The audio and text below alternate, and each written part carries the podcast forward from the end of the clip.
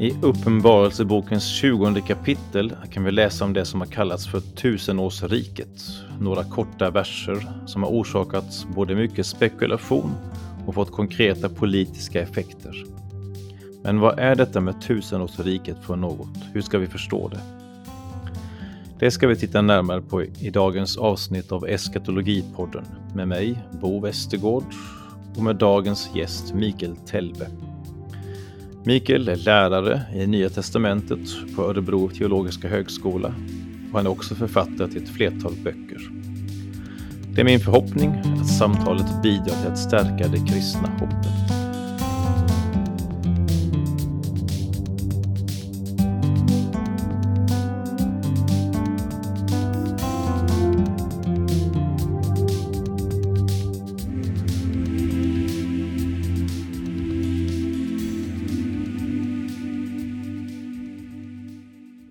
Välkommen Mikael!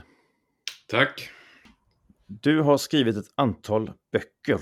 En sökning på Adlibris, alltså bokhandeln på nätet, gav mig 12 titlar. Kan det stämma? Ja, det kan det nog göra. Eh, jag har väl skrivit 10 böcker själv. Sen har jag medverkat i en del böcker. Eh, så att eh, jag har väl en elfte bok på gång så att den står nog med där också. Så att jag, jag jag, jag har svårt att säga ja, ja, eh, exakt.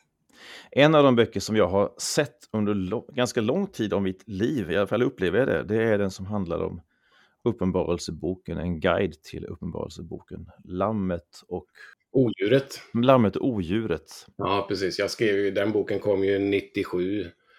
Eh, och sen så gjorde vi en eh, utökad eh, ny, nyutgåva till 2017 när, när den boken var 20 år gammal. Så att, eh, och då, jag, jag reviderade inte så mycket innehållsligt men jag la till ett kapitel och, och eh, lite bilder och eh, eh, ytterligare några förklarande texter. Ja.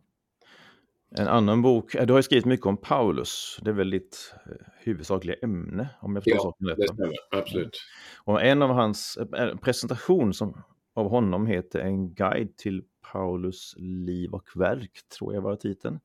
Ja. Som också den har en titel, eh, lite grann som klingar eskatologi i mina öron, nämligen Med framtiden i ryggen. Ja, ja. Ja, det, det, den där titeln var ju ett sätt att liksom försöka fånga det här att den paulinska teologin är så eskatologiskt präglad. Eh, det vill säga det, det Gud gör i Kristus eh, är att påbörja en ny fas eh, i historien som eh, egentligen handlar om Guds nyskapelse. Så att jag ville liksom fånga den, denna eskatologi i, i den paulinska teologin med den där titeln lite, lite ja. halvkryptiskt. Ja, ja. Och en bok till som jag har i min hylla, den heter Tillbaka till framtiden. Också ja. en, om jag minns boken rätt så är det lite sån generell eskatologisk Ja, bok. precis. Nej, men det var en bok som eh, bokförlaget Libris eh, frågade om jag ville skriva och eh, eh, då, då snodde ju vi helt enkelt titeln från den här kända, kända filmerna Tillbaka till framtiden, för det passar väldigt väl i det jag ville egentligen säga. De bad mig skriva en bok om, om eskatologi lite brett eh, och eh, att jag, jag skulle beskriva den, den bibliska eh, eskatologin. Och då eh, fånga, vill jag fånga det lite grann, att vi behöver återövra talet om den sista tiden och framtiden. Och eh, jag tycker det fångas ganska väl i det här tillbaka till framtiden. Det, eh, det är ju någonting som jag tycker generellt att vi har tappat i idag och som präglade väldigt mycket utav eh, den tidiga kristna tron, men också kristen förkunnelse i slutet på 1800-talet, början av 1900-talet. Eh, och det blev ju så utpräglat så många tröttnade på en viss typ av eh, eskatologi. Och reaktionen i alla fall som blev inom flera frikyrkosamfund var ju att man eh, helt enkelt släppte mycket av eskatologin eh, i slutet på eh, 70-80-talet. Jag, var själv med i den fasen när dåvarande Örebromissionen gjorde upp med den så kallade dispensationalistiska eskatologin, det här med detaljerade schemat med, med uppryckande och templets återuppbyggnad och ett bokstavligt tusenårsrike och, och Eh, sen kommer Jesus tillbaks, eh, eller sen, sen kommer den slutliga domen. Och eh, det jag tydligt märkte var ju att, att Örebromissionen som senare blev Evangeliska Frikyrkan tillsammans med Helgelseförbundet och Fribaptisterna tappade mycket av sin eskatologi i det också. Mm, det vill säga man gjorde en uppgörelse och det ledde inte till att man bytte ut mot någonting annat utan snarare att jag tycker att det blev ett vakuum i frågorna kring, kring framtiden och Jesu återkomst. Är det det som är själva grunden till att du har skrivit de här böckerna, tror du? Ja, ja det, det är det. Ja, men jag är ju inte, jag är inte, så att säga, Anledningen till att jag började skriva om Uppenbarelseboken var helt enkelt att jag tyckte att det saknades eh, litteratur på svenska. Eh, så då, då uppmuntrade min, ett par av mina studenter mig att ja, men skriv någonting själv då. Så jag gjorde det och då, och då liksom kom det där och bara för att man börjar skriva på Uppenbarelseboken så tror folk att man är expert på allt som rör eskatologi och sen så genererar det i sin tur ytterligare artiklar och böcker kring det här.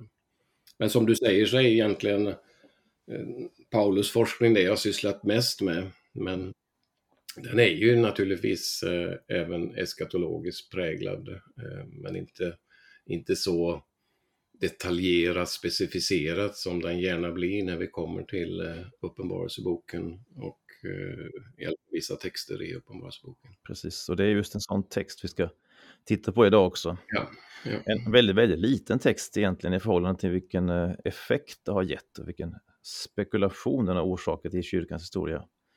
Och som jag var inne på även i det föregående avsnittet som handlar om eh, eskatologi och politik. Det har ju fått även politiska konsekvenser i världshistorien. Och så. Ja. Men jag tänkte eftersom det är en så kort text så läser jag den texten. Det här är alltså Uppenbarelsebokens 20 kapitel, de tio första verserna där. Så får vi liksom lite uppdatera oss och alla som lyssnar på vad det är för text vi pratar om. Det står så här. Och jag såg en ängel komma ner från himmelen med nyckeln till avgrunden och en stor kedja i handen. Och han grep draken, ormen från urtiden, som är djävulen och Satan, och band honom för tusen år och kastade ner honom i avgrunden och låste och förseglade ingången för att han inte skulle förföra folken förrän de tusen åren hade gått. Sedan ska han släppas lös för en kort tid. Och jag såg troner och de som satte sig på dem fick rätt att döma. Och jag såg själarna av dem som halshuggits för Jesu vittnesbörd och Guds ord. De som inte tillbett odjuret och dess bild och inte tagit emot märket på sin panna eller sin hand. De fick liv igen och var kungar med Kristus i tusen år. De andra döda fick inte liv förrän de tusen åren hade gått. Detta är den första uppståndelsen. Salig och helig den som får vara med i den första uppståndelsen. Över dem har den andra döden ingen makt, utan de ska bli Guds och Kristi präster och vara kungar med honom i tusen år. Och när de tusen åren har gått ska Satan släppas lös ur sitt fängelse. Och han ska gå ut och förföra folken i jordens fyra hörn, Gog och Magog, och samla dem till striden, och deras antal är som havets sand. Och de drog upp till den höga slätten på jorden och omringade de heligas läger och den älskade staden. Och eld föll från himmelen och förtärde dem. Och djävulen som förförde dem kastades i samma sjö av eld och svavel som odjuret och den falska profeten, och de ska plågas dag och natt i evigheters evighet. Ja, det är ju en väldigt, väldigt liten text. Och om man ska se Uppenbarelseboken i sin helhet så bygger det ganska mycket på gammaltestamentliga bilder och föreställningar. Finns det eh, fler ställen i Gamla Testamentet som på något sätt kan ge en bakgrund till det här? Eller hänger det här helt bara i luften? Ja, det är ju helt korrekt att uh, Uppenbarelseboken är starkt präglad av gammaltestamentligt material. Det finns ju bortåt uh, ja, närmare 400 anspelningar och allusioner till gammaltestamentliga texter i Uppenbarelseboken. Eh, väldigt få, om ens något, eh, direkt eh, längre citat. Men även den här texten är väl sannolikt präglad av all andra gammaltestamentliga texter, men det är inte jättetydligt. Alltså den här tanken på eh, någonting som varar i tusen år finns ju i apokalyptiska texter som eh, första Henoksboken, eh, det finns i eh, även i Barnabasbrevet som är från 100-talet efter Kristus. Men den tanken finns inte så tydligt i Gamla Testamentet, just det här med en period av tusen år. Utan kom så småningom, så småningom med i mer apokalyptiskt färgad eh, judisk och kristen litteratur. Är det i någon av de skrifterna som du nämnde här, som det här med um, de 6000 åren, eller 7000 åren som motsvarar de sju dagarna, skapelsedagarna? Ja. Ja. Det, det, är där de finns också. Ja, precis. Man tänkte sig liksom hela historien eh, som en eh, period av 7000 år i enlighet med skapelseveckan. Och då vilade Gud på den sjunde dagen. Och då tänker man sig att det, det är det som sker i tusenårsriket, det är denna vila, en period utav eh, helt enkelt eh, vila för de troende. Sabbat kanske? Ja, en slags sabbat, precis. Så att eh, den tanken finns ju i de texterna eh, som ju även har snappats upp i modern eskatologi där eh, en sån som Eh, darbyismens grundare eller dispensationalismen som vi också kallar det, John Darby. Eh, han eh, tänkte ju sig historien i sju dispensations eller, eller faser eller perioder. Så där, där kommer det där tänkandet tillbaks igen att, att Gud har tidsperioder då han handlar på ett visst sätt. Så tanken finns ju där i judiska och kristna texter eh, som ju med stor sannolikhet har påverkat den här texten. Men det finns ju, om man går till gamla testamentet så finns ju eh, tanken på någon typ av vila eller, eller paus i historien innan Gud ska döma till slut. Eh, det finns ju en sekvens till exempel som många pekar på som, som finns i Hesekels bok, vers eller förlåt, kapitel 36 till 48 där, där eh, kapitel 36 till 37 i Hesekiels bok beskriver Israels uppståndelse eller återupprättelse, en fredsperiod och sen så kommer kapitel 38-39 i Hesekiel med Gog och Magogs uppror och den sista striden innan det nya Jerusalem beskrivs i kapitel 40 till 48. Och då lägger man den sekvensen jämte Uppenbarelseboken 2022 där eh, kapitel 20, vers 4 till 6 skildrar uppståndelse och ett typiskt av fridsrike i paritet med Hesekiel 36 till 37. Och sen kommer den sista striden i Uppenbarelseboken 20, 7 till 10 med Gog och Magog som också Hesekiel 38-39 skildrar innan Uppenbarelseboken då skildrar det nya Jerusalem eh, som en, en, slags parallell till Hesekiels bok eh, 40 till 48. Och det är möjligt eh, att eh, Uppenbarelseboken är inspirerad av de texterna, att det finns eh, de här tankarna att eh, Gud ska innan slutet ha någon typ av eh, period av vila eller fred där hans rike upprättas.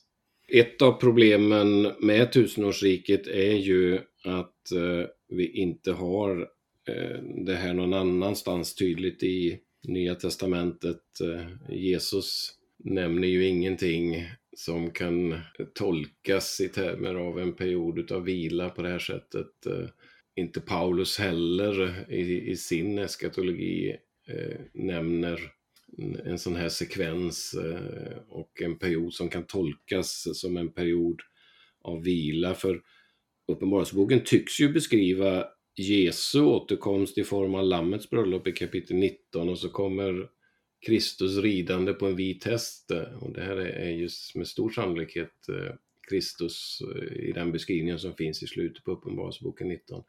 Och sen så kommer ondskans förgörande och den här, det här långa inskottet med något som varar i tusen år. Det är det som är det unika och som vi inte har någon annanstans i Nya Testamentet. Och eh, det är det som gör den här visionen svårtolkad. Var placerar vi den i Nya Testamentets eskatologi i stort? Jag menar, man kan spåra vissa rötter tillbaks till Gamla Testamentet, till apokalyptiken, men hur ska vi hantera den här texten? Och vad ska vi göra utav den och hur ska den tolkas? Det är ju den stora frågan.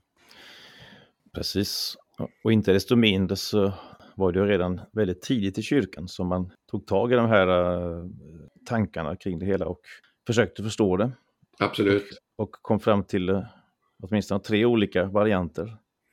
Ja, i alla fall två varianter tydligt. Eh, den tredje kom ju betydligt senare om man ser på de tre stora varianterna.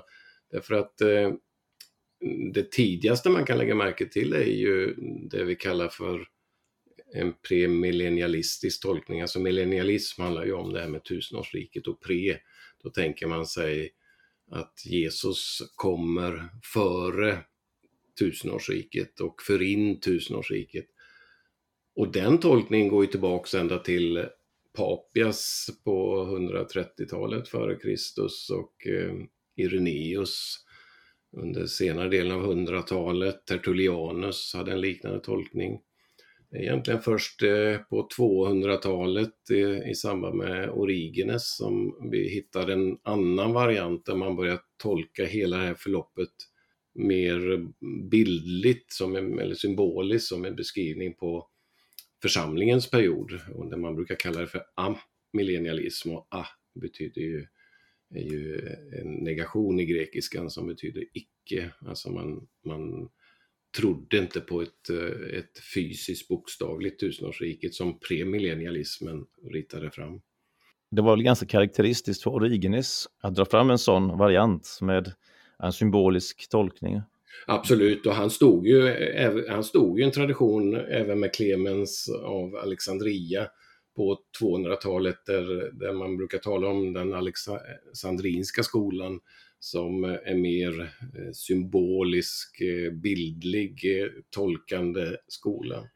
Och det där befästes Framförallt i och med Augustinus som stödde den, det sättet att läsa tusenårsriket. Och då var ju kyrkan i en annan period också när man hade fått en annan ställning politiskt i samhället i och med kejsar Konstantin och de romerska kejsarna som kristnades eh, i någon mening. Och eh, den här tolkningen blir ännu mer befäst eh, i och med reformatorerna på 1500-talet och framåt. Men sen dyker det upp en, en, ett tredje sätt som man brukar kalla för postmillennialism som egentligen är hemma i slutet på 1600-talet, början på 1700-talet och framåt där man började beskriva tusenårsriket som en period utav vila, fred och seger för kyrkan och missionen. Det vill säga man tänkte sig att att församlingens mission och inflytande i samhället förde in ett slags fridsrike in i historien. Och eh, först efter den perioden kommer Kristus tillbaks och därför så kom det här att kallas för post, efter eh, postmillennialismen. Och den växte sig stark eh, under 1800-talet eh, och kanske var som starkast i början på 1900-talet. Eh, då man trodde mycket på kyrkans inflytande. Det har ju varit ett antal väckelserörelser, inte minst i, i Nordamerika, sån som Jonathan Edwards på 1700-talet, en, en väldigt eh, Eh, utpräglad och inflytelserik eh, väckelseevangelist, eh, drev ju postmillennialismen starkt, många människor kom till tro och så vidare. Och den fick ett uppsving på slutet på 1700-talet, 1800-talet och man kan säga i princip till första världskriget. Och andra världskriget blev lite grann en knäck av det, för, för den optimistiska tron på, på människans och då även kyrkans möjligheter. Jag skulle nog säga att, att det har dröjt nästan en till slutet på 1900-talet, början på 2000-talet innan postmillennialismen tog, tog ny fart igen riktigt. Där, där den tanken finns hos en del moderna eh, teologer och förkunnare. Så det är alltså samma slags optimism som ligger bakom den tolkningen som, som i övriga samhällets optimism och ja. utvecklingsoptimism? Ja, ja, jag skulle vilja säga det. Jag, jag, tycker man klart kan koppla det till modernismens framväxt och eh, därmed också en slags eh, optimistisk eh, syn på människan, människans förmåga och eh, utvecklingen. Ja, det var nytt, men det var intressant också.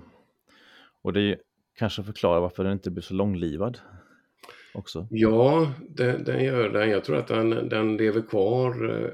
Man, man kan se eh, nyanser eller, eller, eller, eller rötter eller, eller frön av den i tidigare kyrkans historia. Men, men eh, det vi kallar för postmillennialism eh, är ett tämligen modernt fenomen.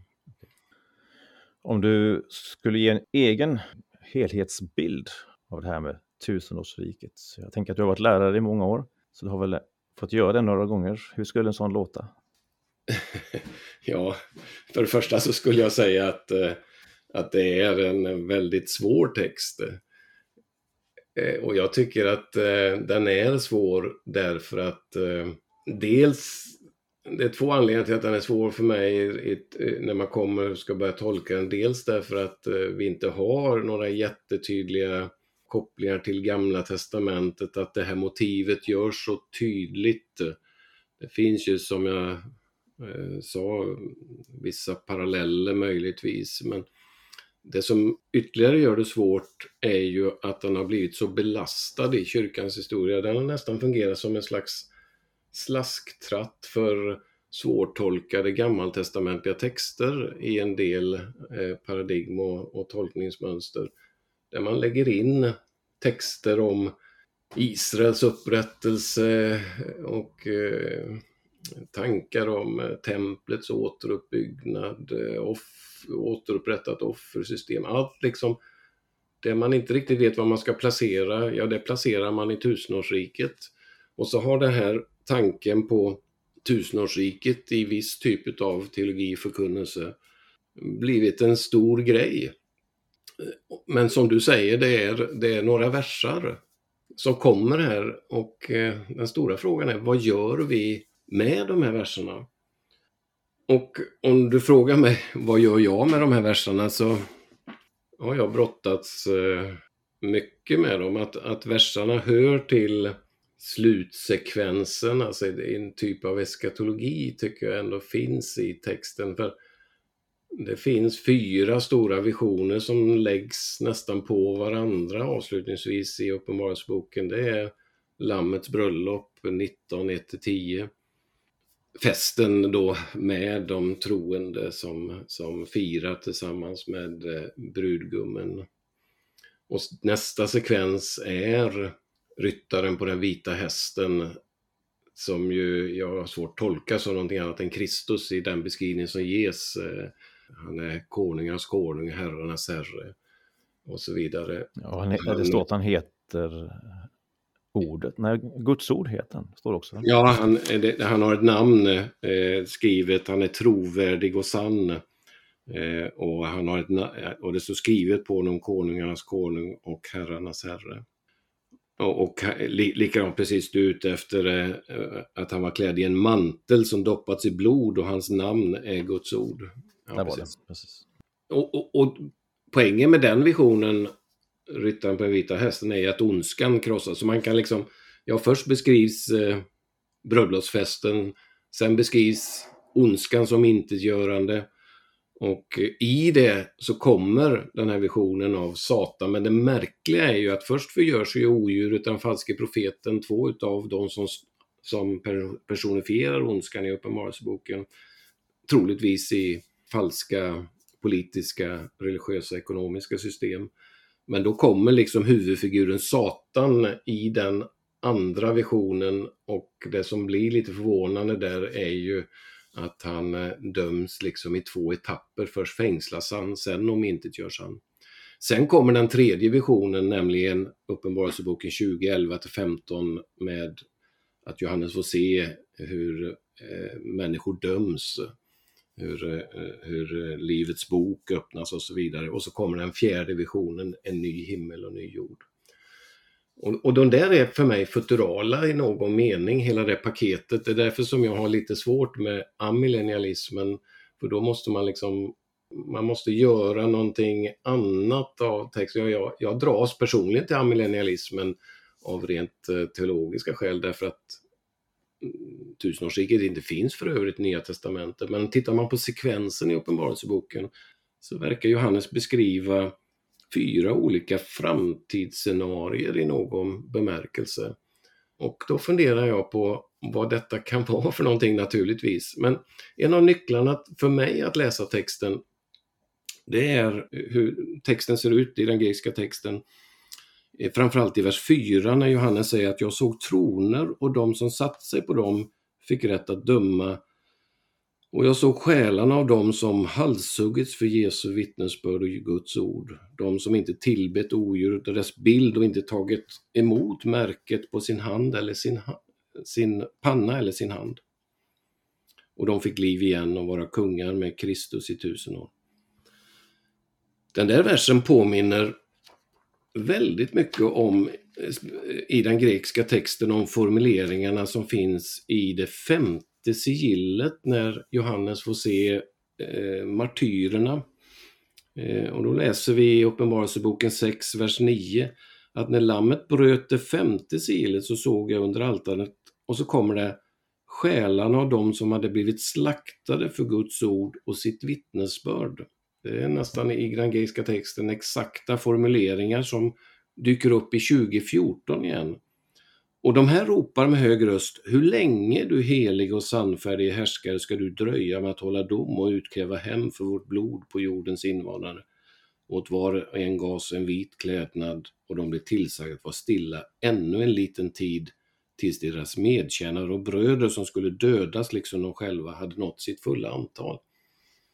Det vill säga, här finns det en fråga som hänger kvar och som aldrig besvaras i Uppenbarelseboken. Gud, när ska du löna oss för vårt lidande? Och eh, i och med att de här formuleringarna från 16.9 plockas upp nästan ordagrant i 24 så får man uppfattningen av att nu kommer svaret. När Gud lönar de som har lidit för hans namns skull. Och det gör att jag alltmer har börjat tolka den här beskrivningen av tusenårsriket som det beskrivs i vers 4 till 6 som en slags tröst och lönevision för de som har kämpat och lidit och ropat till Gud. När ska du gripa in? Ja, här får du svaret. I ondskan så härskar odjuret i tre och ett halvt år och de troende får lönas och får regera med Kristus i tusen år. Och det tolkar jag i enlighet med Uppenbarelsebokens siffersymbolik som ett sätt att eh, tala om någonting väldigt stort. Det, det, är en slags eh, ondskan härskar i futtiga tre och ett halvt år och en troende får regera med Kristus i tusen år. Det här är ju inte det slutet, men det är en slags tröstevision som, som jag ser som, som ska trösta de troende helt enkelt. Gud, Gud kommer att höra er bön. Gud kommer att se till ert rop eh, och Gud kommer att gripa in i historien. Och då kan jag tänka mig, ja, när, när, när händer det här? Ja, det kanske händer i framtiden, men men problemet är att vi gärna är väldigt styrda utav, utav tid i allt vi tänker. Det är kanske helt enkelt så som är så typiskt för den judiska apokalyptiken, att den är inte bara temporal, den är också spatial. Eh, och det är väldigt tydligt i Uppenbarelseboken, det vill säga den inte, har inte bara med tid att göra utan också med rum att göra. Det vill säga Uppenbarelseboken rör sig ständigt mellan här på jorden och i himlen. Och så fort vi är i himlen så tänker vi ofta per automatik, ja men då är vi i framtiden. Men det där är inte så självklart när man läser Uppenbarelseboken, utan det kan snarare vara så att Gud, eller bara rätt, rätt, rättare sagt Johannes, låter läsarna byta perspektiv. Det här jordeperspektivet bryts mot eh, Guds perspektiv på någonting. Det svarar ju lite grann på frågan om var det hela kommer att äga rum också. Ja, det kan det, för, för det är ju det som är lite problematiskt i den här texten. Det sägs ju inte var de här tronerna ska stå. Troner för övrigt i Uppenbarelseboken finns ju eh, i stort sett eh, enbart i det himmelska. Eh, och därmed så är det inte självklart att tusenårsriket är någonting här på jorden. Utan då kan jag tänka mig, ja men är det, det, kan det inte vara en tröstdivision för dessa martyrer det, som, som Johannes ger en inblick i och eh, han ser dem helt enkelt hos Gud. Svaret på deras rop från det femte sigillet kommer nu i denna tröstevision. Kan man tänka sig att det är en slags, en slags andlig verklighet som beskrivs, alltså himmelsk, andlig i samma bemärkelse, så att det något som pågår, kan pågå i det här livet, men så att säga med, en, med Guds, Guds liv inom oss. Ja, nej, nej men så kan jag mycket väl tänka mig, men, men jag kan också tänka mig att, eh, att det är liksom det, det här att, att martyrerna är på sätt och vis redan tröstade hos Gud. De, de finns hos honom. Ungefär som Paulus när han talar om döden. Menar, uppståndelse knyts ju väldigt tydligt i Uppenbarelseboken till Jesu tillkommelse, men ändå kan han prata om sin död som att han är hos Kristus då. Ja. Eh, och eh, jag, jag, tror att vi måste ibland lämna de där tidsperspektiven. Att när en människa dör, ja nästa sekvens är nog uppståndelsen. Det är liksom, i alla fall i, i det som vi upplever som medvetande. Ja, ja. I en artikel du har skrivit eh, om just det här så ställer du också frågan om vem det hela gäller. Och du nämner här martyrerna. Förstås, för att det står det står här också, men är det något specifikt för martyrer eller det något, kan det vara någon slags generell beskrivning? Ja, av... alltså, det, i Uppenbarelseboken så används ju det här språket av de eh, som uppmanas att följa honom, eh, de som inte har blivit, eh, eller som, som har gett sitt vittnesbörd, som eh, inte har böjt sig för odjuret, som inte har tagit märket, eh, och det där är, kan ju vara en beskrivning för martyrerna. Det används ju att de är slaktade, men det kan ju också vara en vidare beskrivning för de troende. Det är lite svårt att säga. Eh, jag tror att det är en tröstdivision som ska mana de troende i nuet att hålla ut därför att lönen kommer oavsett om man bokstavligen har blivit dödad för tron eller inte. Man kan ju ha lidit på andra sätt i livet eh, och eh, är i behovet av den här trösten för att hålla ut eh, i sin tro. I, i mitt teologiska tänkande kring tusenårsriket, den texten, så kommer jag, kopplar jag den till en annan text hos Paulus i Andra Timoteusbrevet när han säger att i Andra Timoteusbrevet 2.11 att detta är ett ord att lita på, ty har vi dött med honom ska vi också leva med honom. Härdar vi ut ska vi också härska med honom. Och det är precis det som Uppenbarelseboken talar om. Förnekar vi honom ska han också förneka oss. Är vi trolösa förblir han ändå trogen, för han kan inte förneka sig själv. Alltså den, den liksom en väldigt, det kommer det här med härska, men också det här med väldigt tydlig tröst. Att, eh, att han är ändå trogen. Här kommer löningen för de trogna. Det här med att härska tillsammans med Gud, det förekommer på ett, ett fåtal men antal ställen. Eh, hur, hur, förstår du det? Ja, jag, jag förstår det, inte minst i Uppenbarelseboken kommer ju det, det är ju en slags eh, politiskt språk som vi också ska uppfatta som, som politiskt, inte minst i Uppenbarelseboken, därför att det här härskar ju en, en, eh, en kejsare, där härskar ju myndigheter som eh, marginaliserar, förlöjligar, förtrycker, förtrampar de troende. Och då kommer en slags motvision. Jag tänker inte minst på Uppenbarelseboken 5 när det sägs att lammet har gjort dem till ett kungadöme åt vår Gud till präster åt honom, de ska vara kungar på jorden. Alltså det är ett väldigt politiskt identitetsspråk. Att egentligen är det inte kejsaren Domitianus eller vem vi nu ska, vad vi nu lägger Uppenbarelseboken i tid, det är, inte kejsaren som härskar, eh, utan det är ytterst lammet som är konungarnas konung och herrarnas herre. Och därför får de troende härska med honom.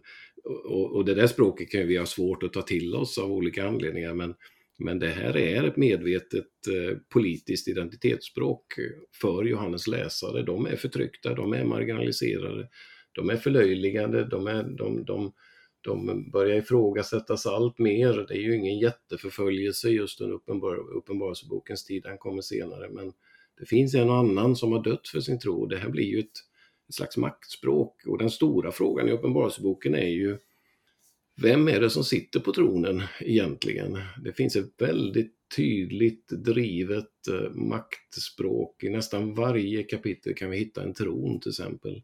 Frågan är vem som sitter, är det som sitter på tronen och till slut så får ju Gud namnet bara den som sitter på tronen, ett sätt att prata om Gud, det är ett väldigt utpräglat maktspråk. Och här tror jag att vi måste förstå det, Eh, det här med att härska med Kristus som ett slags identitetsspråk som ska uppmuntra de troende att fatta mod. Eh, det är någonting att få dem att eh, leva för och ytterst att dö för. Mm. Jag har en egen liten tolkning på det där, eller åtminstone en liten nyckel som jag för mig har varit en hjälp i alla fall. Och det jag tänker på förbön. Alltså i förbön så får vi tala om för Gud vad vi tänker och tycker att hur världen borde vara. Ja. Vad som inte borde vara som det är och vi får uttrycka vår åsikt, vår önskan för Gud. Och sen är det likväl till slut han som får ta beslutet. Ja. Men jag, upplever att förbönen är en form av mer regerande med Gud. Ja, ja. Ja, absolut. Och då, eh, och då blir det inte bara ett härskarspråk, utan då blir det någon slags att Gud är intresserad av vad vi tänker och tycker. Ja, ja. Absolut.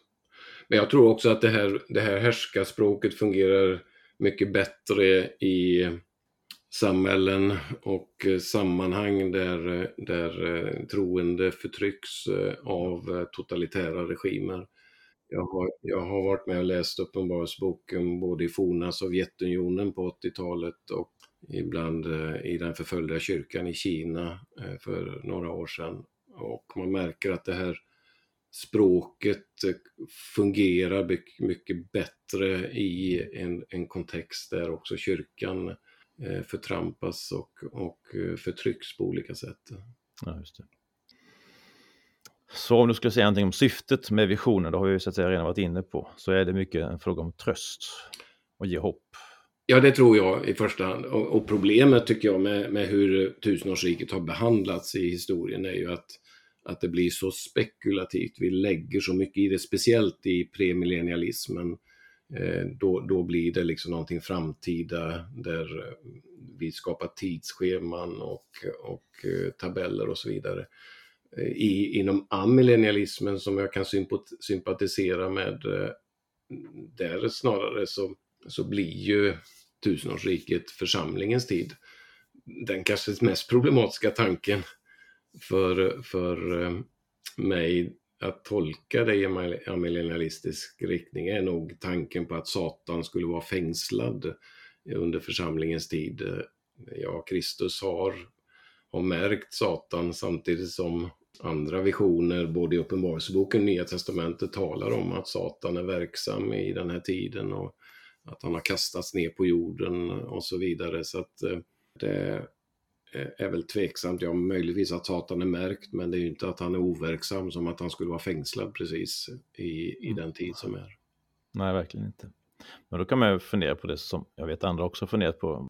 Varför släpps han lös ja. i slutet? Och, och, och, det, och det jag, jag, tycker inte att någon av de klassiska förklaringsmodellerna eh, har ett bra svar på det. Eh, inom premillennialismen så kanske det blir den mest problematiska tanken egentligen. Varför han ska släppas lös någon gång i framtiden om han nu har fängslats eh, och så vidare.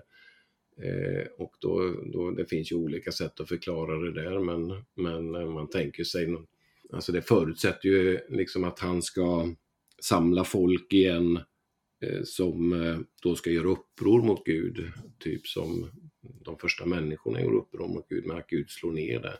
Och en del menar att det rent, eh, skulle fungera rent pedagogiskt att visa att människan har ondskans latent liggande hos sig och att eh, syftet med Satans frisläppande igen skulle vara att visa att människan, trots att Kristus har etablerat sin regim här på jorden, skulle locka människor till ett avfall igen.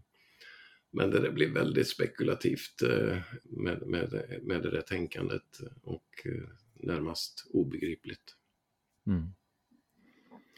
Det leder över till en väldigt generell fråga här. Det är ju varför hela världen Gud har gett dessa visioner som leder till så förbryllande texter i Bibeln, inte bara Uppenbarelseboken, men det finns ju flera sådana böcker, Daniels bok eller Hesekiels visioner eller sådär. Ja.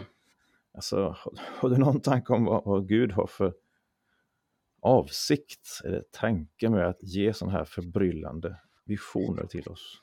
Vilken nytta ska de vara, förutom att ge sysselsättning till bibelforskare?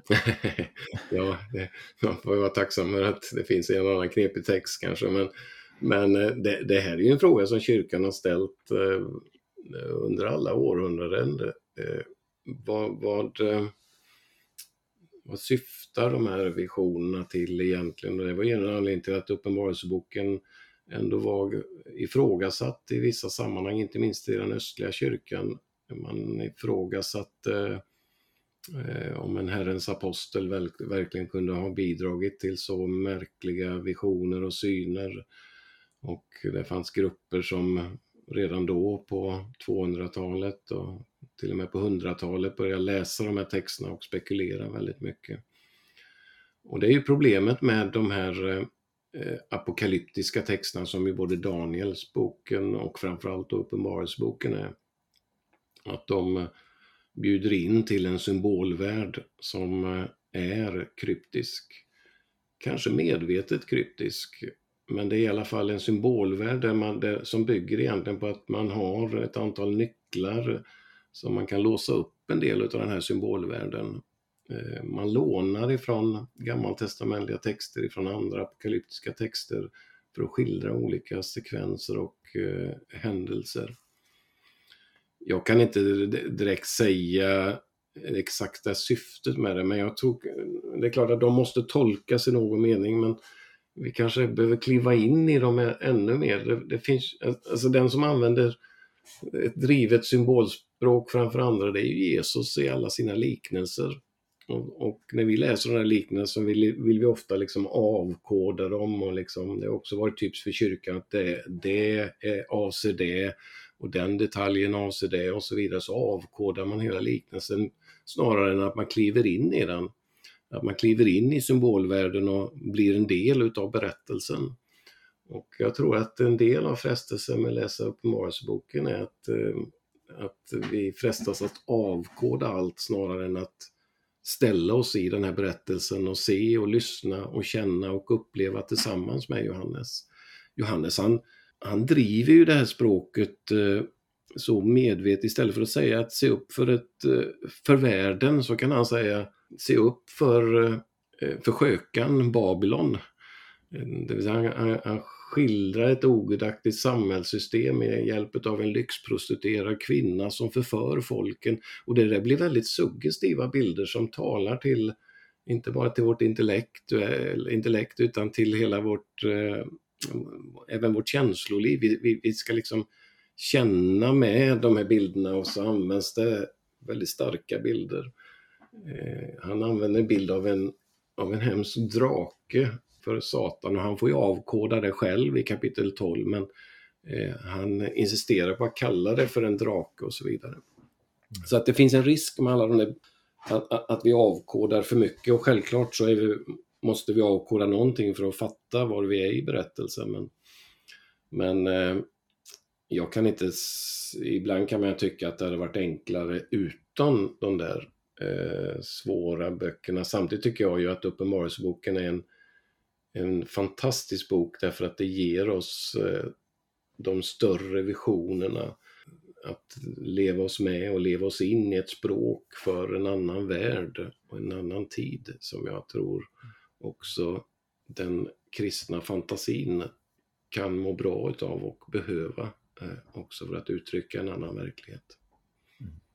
Man kan vända på tanken och fundera på hur Bibeln skulle ha varit och den kristna tron skulle ha varit utan Uppenbarelseboken. Ja, till exempel. Ja, ja. Nej, men precis, och det finns ju en risk att, eh, att säga, det konkreta kognitiva tänkandet eh, hade tagit över med logiken i centrum och de paulinska breven eh, enbart eh, som, som centrum med argumentation och slutledning och så vidare. Jag, jag tror att tro mår bra av det här bildspråket också. Eh, även om det kan vara svårt och obegripligt eh, i, i sekvensen. Men det mesta ändå kan vi ändå få en hyfsad bild av vad det handlar om. Även om tusenårsriket tillhör kanske i min uppfattning att eh, en av de svåraste visionerna i Uppenbarelseboken. Och för mig handlar det väldigt mycket om att eh, Nya Testamentet i stort inte tycks tänka riktigt på det sättet. Eh, vilket gör att det blir eh, problematiskt. Vad, vad, vad är tusenårsriket och vad gör vi av det? Och vad betyder det egentligen för min tro? Det lät som väldigt bra slutord på det här poddsamtalet om just tusenårsriket. Jag får tacka dig Mikael och önska all lycka för din fortsatta gärning. Tack så mycket för att jag fick vara med.